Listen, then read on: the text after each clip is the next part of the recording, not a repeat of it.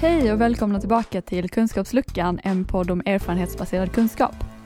I dagens avsnitt pratar vi med Maria som har erfarenhet av beroende och jobbar på en öppenvårdsbehandling. Eftersom vi hade ett jätteintressant samtal så kommer det här avsnittet bli uppdelat i två. Vi som leder avsnittet idag heter Amanda och Jonathan. Här kommer del två av två.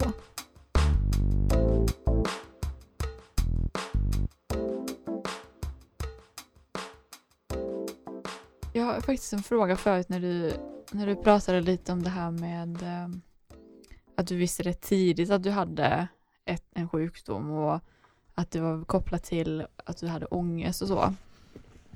Tror du att man fokuserar mycket på det eh, när man går på behandling? Att man liksom går tillbaka eller tänker man bara vidare på hur man ska bli av med, med beroendet? Tycker du att de hänger ihop när man är på behandling eller tycker du att de är separerade?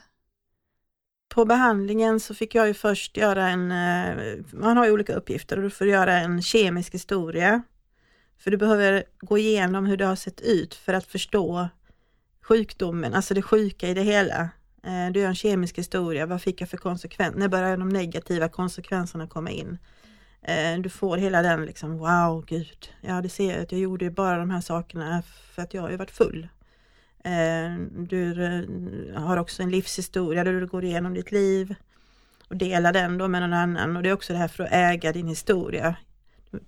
För att kunna gå vidare så måste du ha bli klar med det gamla så att säga. Ehm, så, så funkar det väl på de flesta behandlingar tror jag. Okay. Mm. Så det är väldigt Så mycket det här gå igenom sorger och förluster, eh, liksom bearbeta det gamla innan du kan börja gå framåt. Du var inne på en intressant sak i, när du pratade om behandlingen. Så sa du att bara en beroende kan förstå någon annan beroende. Det går liksom inte att manipulera någon annan.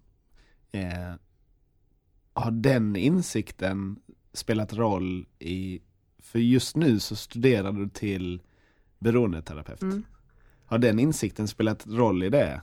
Att det jag vet, det jag har gått igenom, det har en specifik betydelse för för andra människor till skillnad från de som, som inte har gått igenom de här sakerna? Absolut. Eh, ja, eh, när jag liksom kom i det här uppvaknandet och, och eh, kände, kände mig fri och gud, livet är så jäkla häftigt att leva utan alkohol.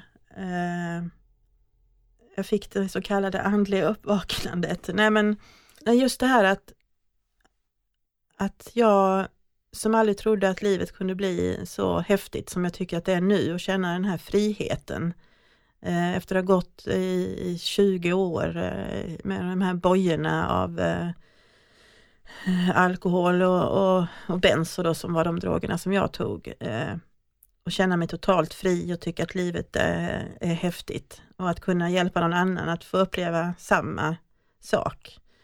Genom att liksom hjälpa dem att göra sådana steg som jag har tagit. Eh, det är ju jättehäftigt. Och det är även så som jag tycker om på mötena nu att jag går ju inte dit för att jag ska sluta dricka längre. Eh, utan jag går ju dels dit för att, att, att jag inte ska börja dricka igen eh, och för att kunna hjälpa någon annan. För att kunna behålla någonting så behöver du ge någonting. Det är ungefär som att eh, när man hjälper någon att läsa läxor eller förhör någon annan så lär du dig själv samtidigt. Som socionomstudent så kan man ju ha det man har gått igenom själv då som man kanske inte alltid tänker på att just det, de här grejerna kan ju vara till hjälp för andra människor också. Finns det något sätt att ta tillvara på det när man studerar? Eller när man kommer ut och arbetar också? Och har du kanske något exempel på något som riskerar att göra att man inte tar vara på de där sakerna som man själv har gått igenom?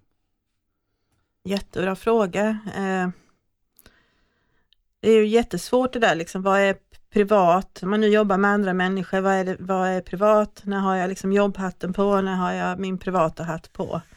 Eh, och det är väl sånt som man helt enkelt får genom erfarenhet lära sig lite grann. Hur funkar det att jag blottar mig här för den här personen?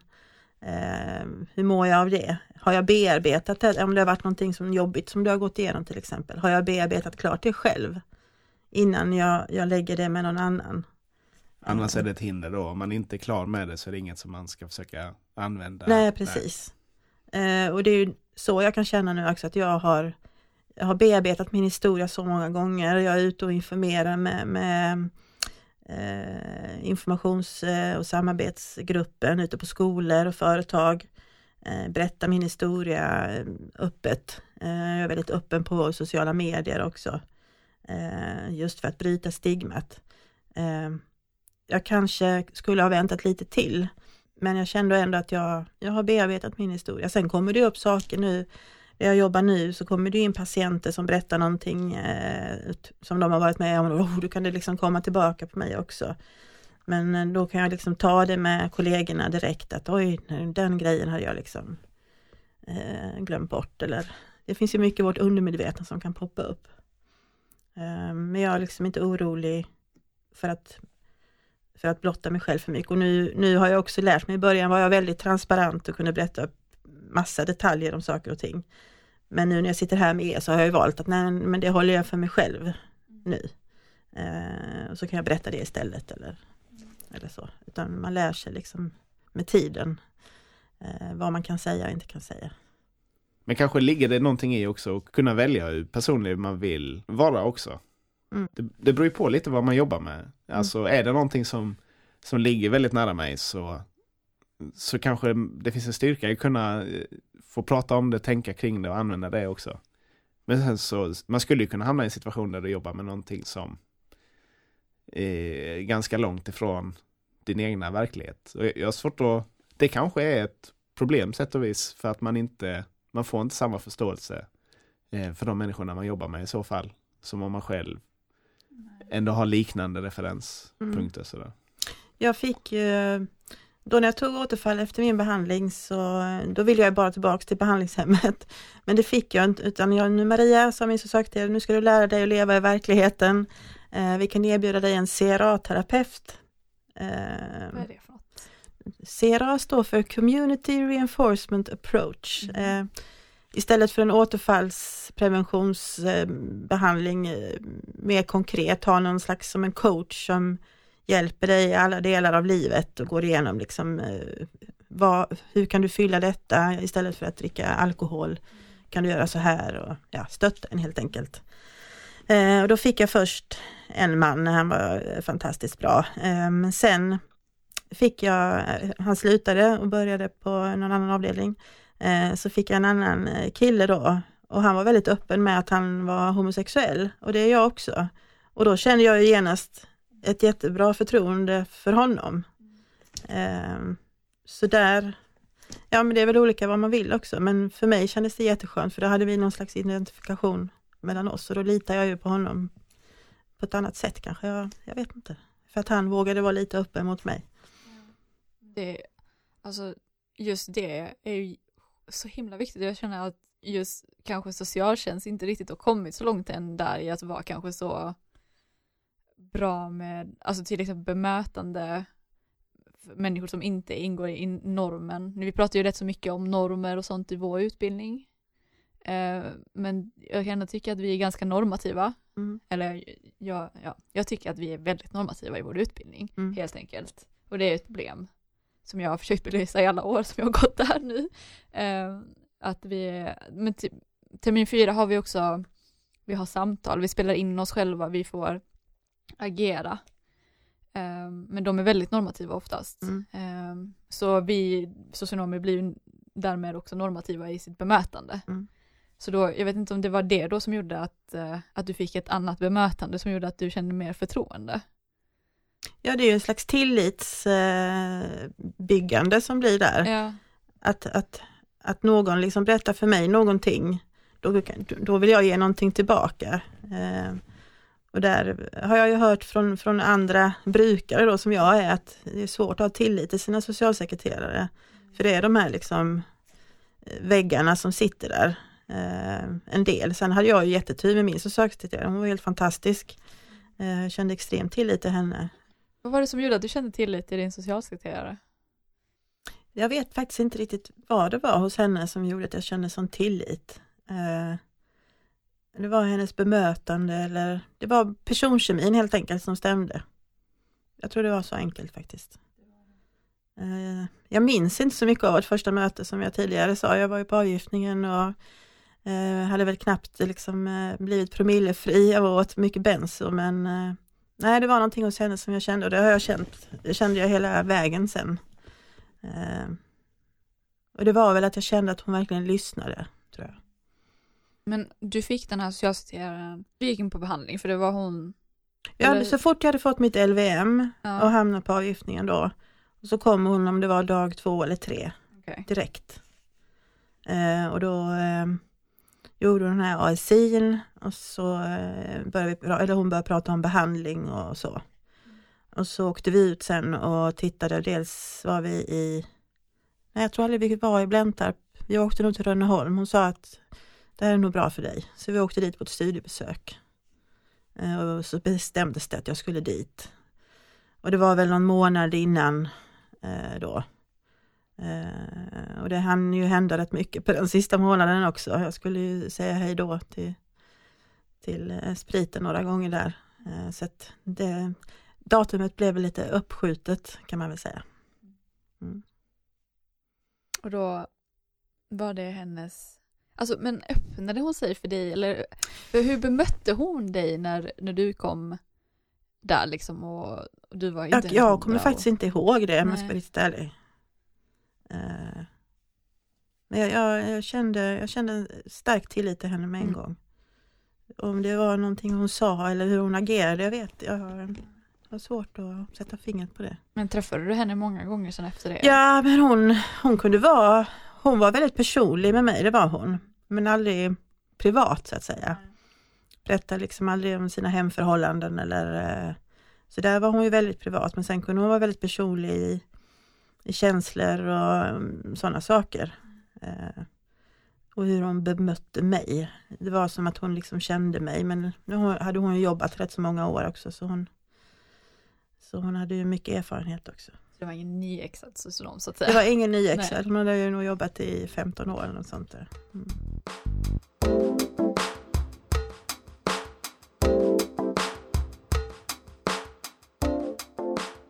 Ska vi gå vidare då och prata lite om uh, ditt jobb? Du har ju nämnt det några gånger nu under tiden vi har pratat, men mm. jag tänker att du ska gå in lite mer på det. Ja, det är så fantastiskt den här resan att uh, för drygt ett år sedan så jag hade ju varit sjukskriven då sen jag kom på behandling eh, och under den här PTSD-behandlingen, den tog ju ett år och då skulle jag också vara sjukskriven. Eh, ja, och så förlorade jag ju det här jobbet som jag jobbade på, det förlorade jag i och med att jag tog återfall, för det liksom, så var det bestämt. Och det var det här förskolejobbet? Ja, precis. Ja. Och det kunde jag väl tycka att det var rätt så skönt att det blev så, för jag ville nog inte tillbaka dit heller. Eh, men i alla fall så skulle jag ju då börja arbetsträna, Försäkringskassan och Arbetsförmedlingen blev inkopplade och då skulle jag in i någonting som kallades för gemensam kartläggning. Eh, att komma ut i arbetslivet på ett, ett mjukt sätt. Ehm, eh, och Arbetsförmedlingen frågade mig, har du något, något själv liksom förslag på vad du vill pyssla med? Eh, och då kände jag ju då att ja, nej, men jag vill ju jobba med med människor som, som har haft det som jag. Eh, inom behandling eller ja, vad det nu kunde vara. Eh, så jag spånade väl på lite förslag. Jag hade ju Hassela snett över mig på gatan till exempel. Eh, men så tänkte jag att nej men jag, då hade jag gått på lunchföreläsningar som en, en öppenvårdsbehandling då i Malmö. Eh, hade en gång i månaden eh, och lärt känna dem där på Human Gardening. Eh, och eh, jag skrev till eh, Mikael som är, som är chef där att eh, om han visste något ställe som han kunde tro att jag kunde arbetsträna på. För jag visste att han hade mycket kontakter. Och då säger han, men ska du inte vara hos oss? Jo, det kanske jag ska. Mm. så det var så det började. Så jag började arbetsträna där väldigt försiktigt till en början. Ehm, och jag bestämde mig från dag ett där att nej men jag har full tillit till dem här utan nu gör jag precis som de säger. Så en dag i taget så får vi se vad detta bär någonstans. Eh, jag trivdes jättebra från, från dag ett. Eh, och eh, har varit del liksom i, i gruppen och, och varit med i, i samtal och följt resan. Eh, och kände mer och mer att nej, men det här är någonting jag känner att jag kan klara av. För det var ju många som frågade, ska du verkligen jobba med andra beroende och se så mycket elände och, och sådär. Så tänker jag att, ja fast jag jobbar ju med lösningen på något sätt. Eh, det är ett lösnings, vi presenterar hela tiden lösningen, vi lyssnar på problemen och alla erfarenheter och öden. Men att vi sen liksom vänder det till en lösning. Eh, och att sen alla som jobbar på Ljummegalningen är ju själv tillfrisknande beroende som jobbar i programmet. Eh, vilket gör att vi kan ha ett samtal oss emellan som gör det väldigt avlastande också. Eh, och vi har ju vi har ju morgonmöte och vi har liksom eh, eh, rehash som vi säger efter varje gruppsession. Så får patienterna gå ut och vi liksom pratar igenom vad hände, hur känner vi, vad kunde vi gjort bättre, vad kunde vi, vad gick dåligt liksom. Eh, så jag går aldrig, det, eller aldrig gör jag inte, men men det är väldigt sällan som jag går från jobbet och känner att det är någonting som hänger kvar från dagen. Och har det varit så någon gång så har jag liksom tagit kontakt med någon att Nej, men jag måste få ur med detta. Eh, och så. Sen tar jag hand om mig själv som jag själv går på möten tre gånger i veckan. Ibland blir det något mer och ibland något mindre men eh, jag, går, jag går på möten och tar hand om mitt eget. Eh, och då kan jag också hjälpa andra. När jag själv har lastat av mitt så finns det utrymme för andra. Mm. En jättehäftig arbetsplats måste jag säga. Mm, det är fantastiskt.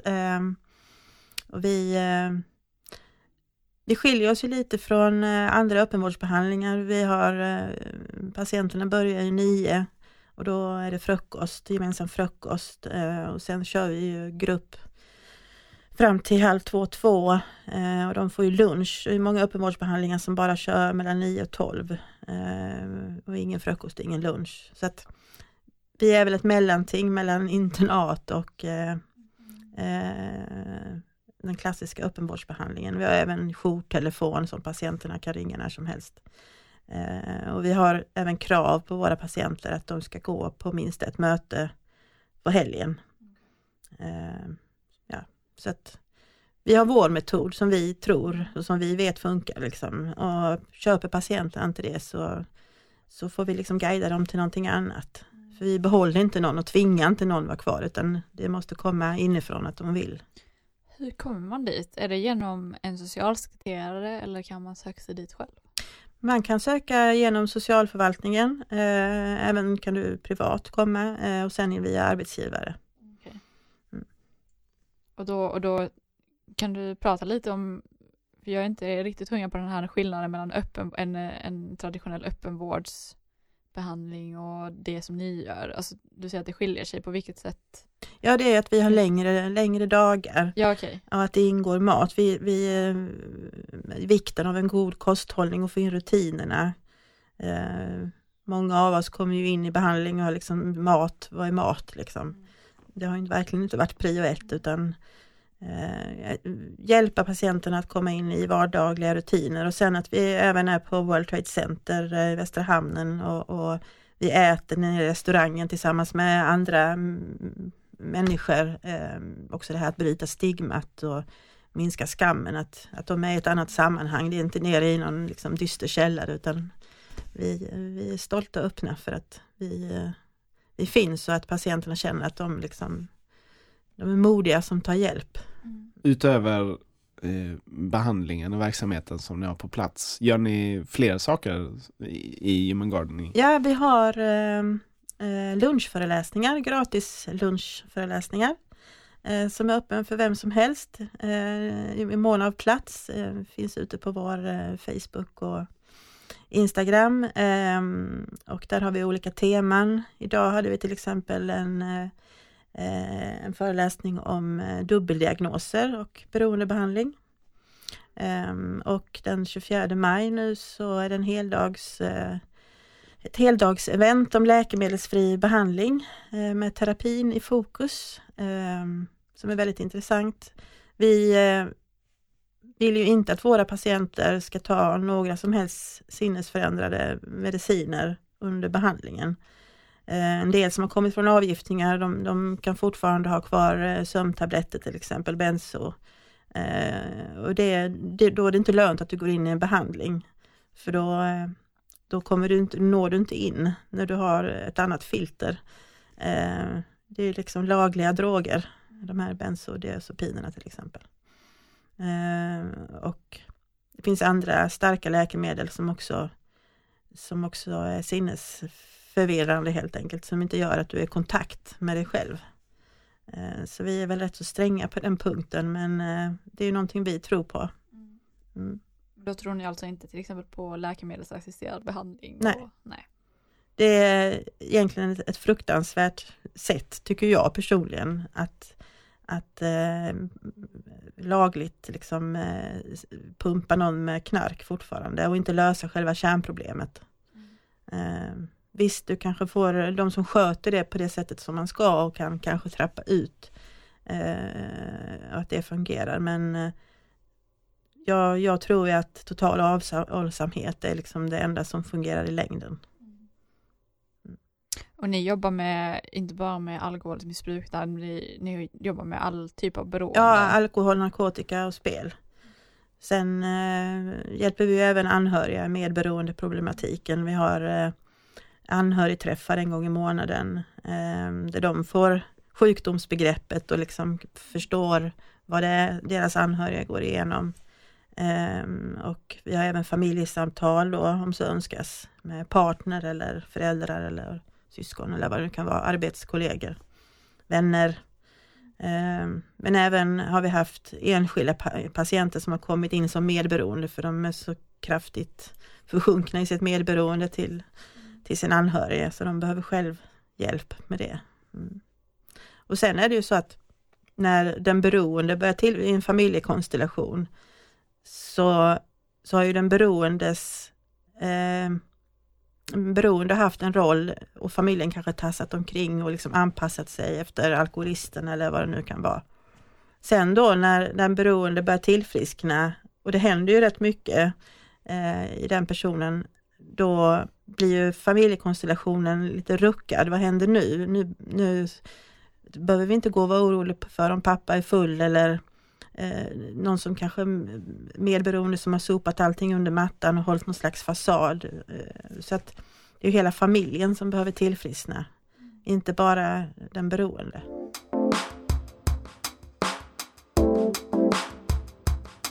Du, vi har ju varit lite inne på det, men inte riktigt. Men hela den här problematiken med eh, hur det blir efter att man har varit, alltså att man är klar med sin behandling. Mm. Jag, jag har ju den erfarenheten själv att ja, men nu, nu är du klar med din behandling. Eh, nu ska du få träffa mig i tre månader eller vad det var. Samhället tycker att ja, men nu har du varit på din behandling. Nu ska du, nu ska du vara frisk. Eh, och det är ungefär som att säga till en cancerpatient att eh, ja, men du, du har ju fått din strålning här. Det är klart du ska vara frisk. Men det finns ju inga garantier för att tumören inte kommer tillbaka. Det är precis samma med, med beroendesjukdomen. Vi, det är ju en eh, kronisk sjukdom eh, som dessutom är progressiv. Så den, den, skulle jag börja dricka idag igen till exempel så, så börjar jag precis där jag var sist och det kommer gå ännu snabbare utför. Eh, så just den här vikten av att, att socialförvaltningen och sjukvården överhuvudtaget ser att den här patienten har en livslång sjukdom och gör allt för att stötta den i längden och liksom uppföljningar. Det är därför vi till exempel har en, en efterbehandling på ett år. Efter eh, patienten har gjort sin primärbehandling så kommer de en gång i veckan. Eh, och egentligen skulle det kunna vara två år. Eh, men det är en pengafråga det också. Eh, och det är därför möten och, och gemenskapen, då tolvstegsgemenskapen, har du, har du kommit in i det och fortsätter i det, då har du en viss garanti för att nykterheten kommer att hålla. Eh, och det är de som tar återfall, det är de som slutar att gå på möten och tror att nej men nu fixar jag detta själv, nu har jag varit nykter så länge så nu behöver jag inte gå på mötena längre. Och då glömmer, glömmer man lätt bort var man kommer ifrån. Eh, eh, och tror att man kan själv igen. Och då sitter, sitter man ofta där. Jag var med i somras, det var ett par stycken i min hemmagrupp som, eh, som hade 25-28 års nykterhet som eh, hade slutat gå på möten och det kanske hade gått ett, två år. Men så satt de där på flygplanet till Spanien och tyckte att ja, ja, nu kan jag. Nej, går det inte. Eh, så de kom tillbaka. Hur påverkar det gruppen när någon eh, återfall eller liknande? Eh, för mig är det jätte... Nykom, nykomlingen är alltid den viktigaste på mötena som kommer. Eh, men jag personligen tycker att, att de som kommer tillbaka efter återfall, det är så jäkla modigt eh, att komma tillbaka. Eh, och dels för att jag också själv har liksom tagit återfall och kommit tillbaka, den skammen att gå tillbaka. Men ändå få all den här kärleken att, ja men välkommen, vad härligt att du är tillbaka, att du lever. Det är ingen garanti att man, man lever efter ett återfall. Det är många som, som, om man inte dör av eh, drogen, så, så kanske man tar livet av sig för att man står inte ut med, med skammen helt enkelt. Um, så att höra någon annan som tagit återfall är för mig jätteviktigt. För då blir jag själv påminn om att jag just det, oh den känslan vill jag aldrig mer känna igen. Uh, för vi glömmer så lätt. Uh, så det, mm.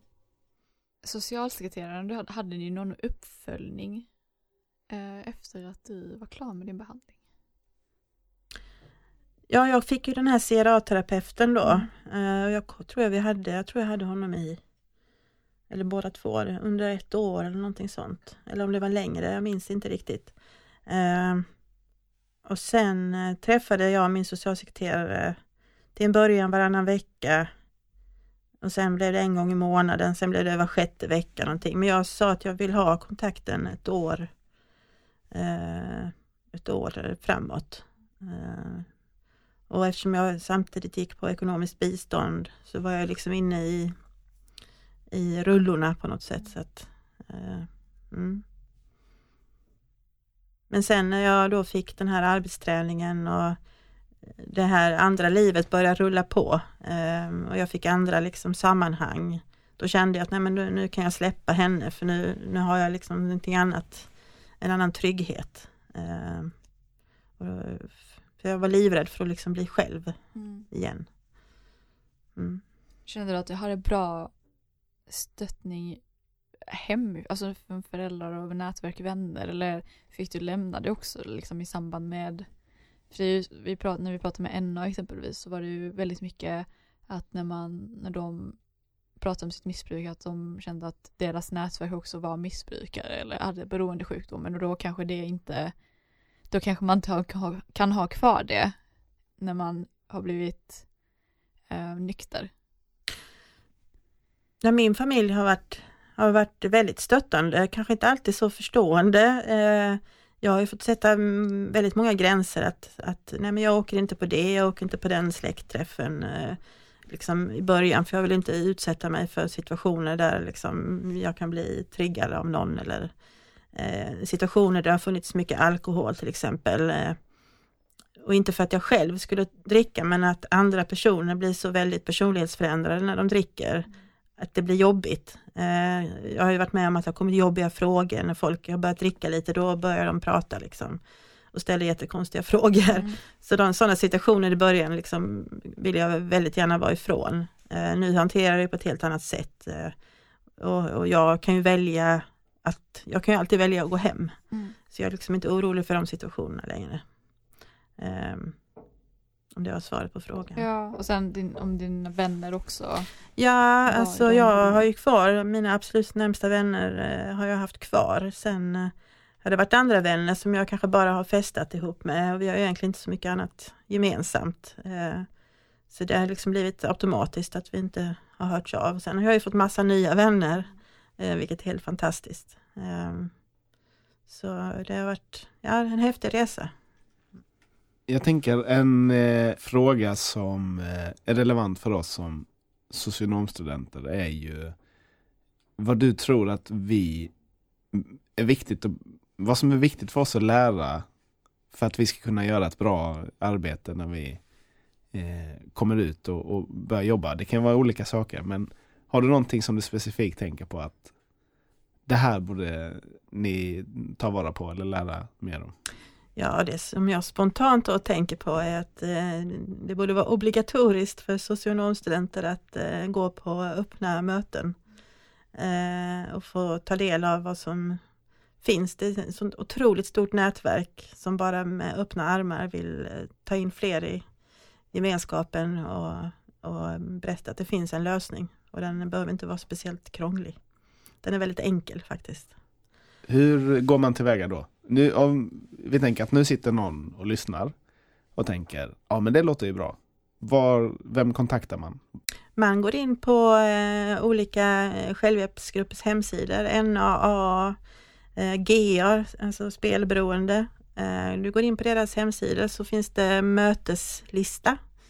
Och då kan man klicka på vilken ort man nu bor, eh, finns i de eh, minsta hålorna i Skåne också. Eh, Marieholm och ja, finns möten överallt. Eh, och så kan man söka på öppna möten. Eh, och där är alla välkomna. Eh, vem som helst kan gå. Vad får man vara med om under ett öppet möte? Vad händer då? Det händer precis samma som det gör på de slutna mötena. Alla möten har ju samma ritual, samma rutiner eh, och det är delningar eh, från, från mötesdeltagarna som, som är där. Man delar om någonting som man behöver lätta från hjärtat eller så delar man eh, om eh, hur man löste ett problem eller ja, det är väldigt olika. Sen har vi ju olika teman, en del möten är stegteman eh, där man läser ett steg och så delar man kring det.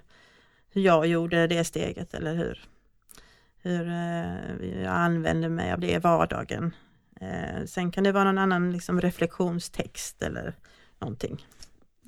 Eh, så det ser lite olika ut men eh, nu har ni lovat att ni ska gå på möte mm. här så att eh, nu är det även i radion här, eller podden, ja. så att nu har ni ingen återvändo. Nej, vi ska gå på ett möte, alltså det, det är ett måste och det borde alla som lyssnar på det här mm. också göra. Behöver man säga någonting eller kan man bara sitta med och lyssna? Nej, man säger hej, jag heter Kalle och är socionomstudent. Hej Kalle, säger alla då. Mm. Vad roligt att du är här. Mm. Så då behöver man inte dela med sig om någonting. Nej, nej, gud nej. Men man kan om man vill. Ja, kan man om man vill. Ja. Mm. För går man rundan då eller? Det är lite olika, på de flesta möten så går man eh, en runda. Eh, sen kan det vara möten som har väldigt många eh, deltagare och då är det mer handuppräckningsmöte. Men det brukar vara någon presentationsrunda där också, att alla bara får säga vad de är, för att alla ska bli sedda och hörda. Så brukar det vara någon snabb presentationsrunda för att alla ska kunna säga sitt namn och vem man är. Du pratade lite om brukarrådet har jag för mig. Mm. Kan du berätta lite mer om det? Ja, det var ju spännande. Jag fick ju eh, förmånen att vara med när det startade upp på Lunds eh, socialförvaltning. Jag tror det var tre år sedan någonting. Ehm, och eh, brukare från olika ja, håll i Lund helt enkelt, inte konstigare än så, med olika bakgrund, några som hade varit på behandling och någon som inte hade varit på behandling. Eh, varit väldigt eh, mycket diskussioner kring olika behandlingshem och jag får ju säga att jag hade ju förmånen att vara väldigt bra behandlingshem. Eh, jag har ju hört om behandlingshem som är förfärliga, eh, där det nästan är mer droger än vad det är ute på gatan. Eh, och det tycker jag är jättetråkigt, att det ens kan få lov att vara så, att det inte är mer kontroll på behandlingshemmen och vilka som jobbar där och, och så. Eh, så det har vi diskuterat mycket och sen mycket den här frågan om vad händer, vad händer sen efter behandlingen? Hur kan socialförvaltningen hjälpa brukarna på bästa sätt efter behandlingen? Och det har varit mycket med boende, eh, ja, att man inte kan komma tillbaka till samma ställe som man liksom kom från. Man har ett väldigt destruktivt eh, eller mönster omkring sig. Eh, det är jättemånga som har fallit där. Nej, men då hamnar man på samma boende igen och så sitter man liksom i skiten. Ehm, så att det var mycket fokus på vad händer efter behandlingen. Det var mycket eh, att det skulle finnas någon slags eh, eh, efterbehandling eller en slags öppenvård där man skulle kunna vända sig till i Lund. Att det alltid fanns liksom öppet att komma. Ja, ett öppet forum helt enkelt. Känner du att du att du faktiskt kunde påverka? Ja, det kunde jag. Det kände jag verkligen och i synnerhet det här med, med att eh, upplysa om, om eh, tolvstegsmötena. Eh, jag förklarade ju att vi gärna lämnar våra nummer, att, att de kunde få ringa, att socialsekreteraren kunde ringa oss om de hade någon, någon ny brukare som hade alkoholproblem då i mitt fall. Eh, och att jag då tar kontakt med personen och går med på möte och wow, liksom, gör ni sånt? Ja, det, är liksom, det är det vi vill göra. Eh, visa att det finns en lösning. Eh, och eh, det har väl runnit ut lite i sanden nu tyvärr. Det är omsättning på socialsekreterarna och vissa som, som kanske tror mer på, på eh, möten än andra. Eh, men jag tänker att man kan inte uttala sig om, om möten fungerar eller inte om man inte ens har varit på ett själv.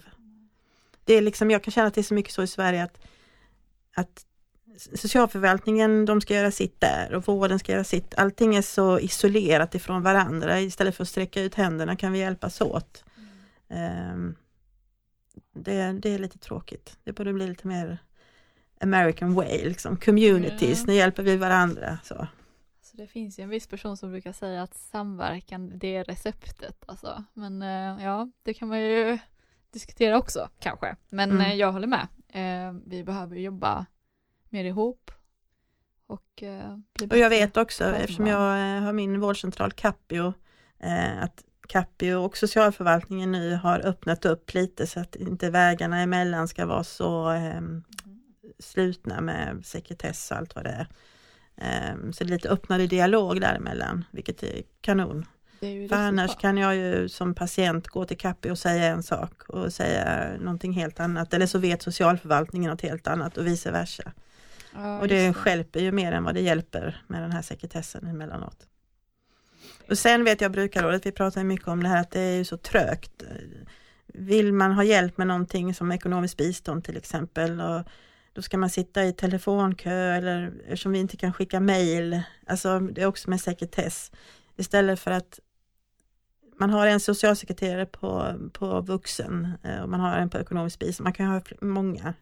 Eh, att inte bara liksom för en gång sätta sig ner allihopa så att alla har en samsyn på vad är det nu som vi ska hjälpa Maria med, vad är prio? Eh, och få liksom den här mänskliga, jag har ju aldrig träffat min eh, sekreterare på ekonomiskt bistånd eller min handläggare, aldrig liksom. Va? Är Nej. det sant? Och nu har jag ju varit där i, ja, tre år var jag väl där. Har du aldrig träffat Nej. din Jag tror jag talat i telefonen ett par gånger. Sen har allting skett via brev. Va?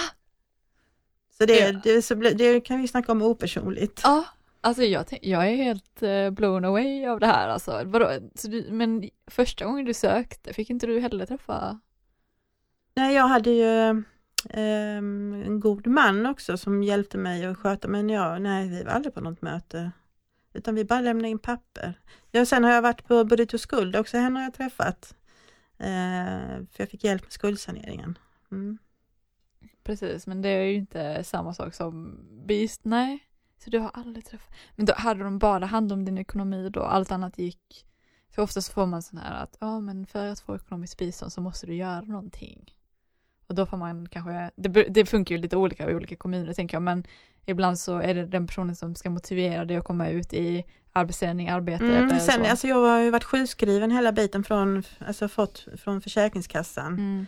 Um, så har jag legat precis på gränsen. Så jag har ju fått liksom, jag har inte fått hela eh, vad heter det, biståndet ifrån Ja, okay. Det har varit en liten del som har, fattats och sen har ja. det varit liksom tandläkare och det har varit eh, okay. glasögon och hela den faderullen.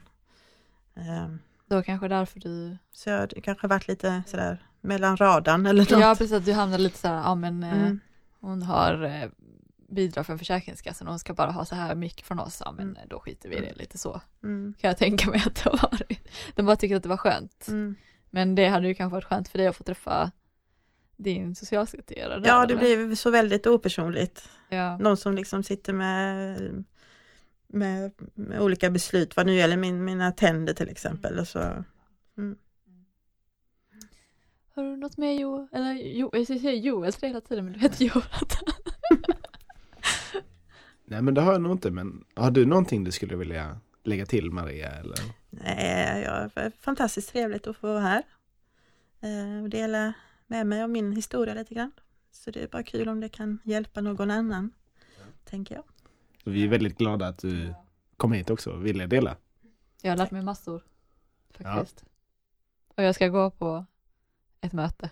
Det ska Ja, jag det har vi bestämt. Ja, jag lovar det. Ja. det. Det ska jag göra. Ta mig i kragen där. Mm. Tack så mycket för att du ville komma och berätta om din historia för oss.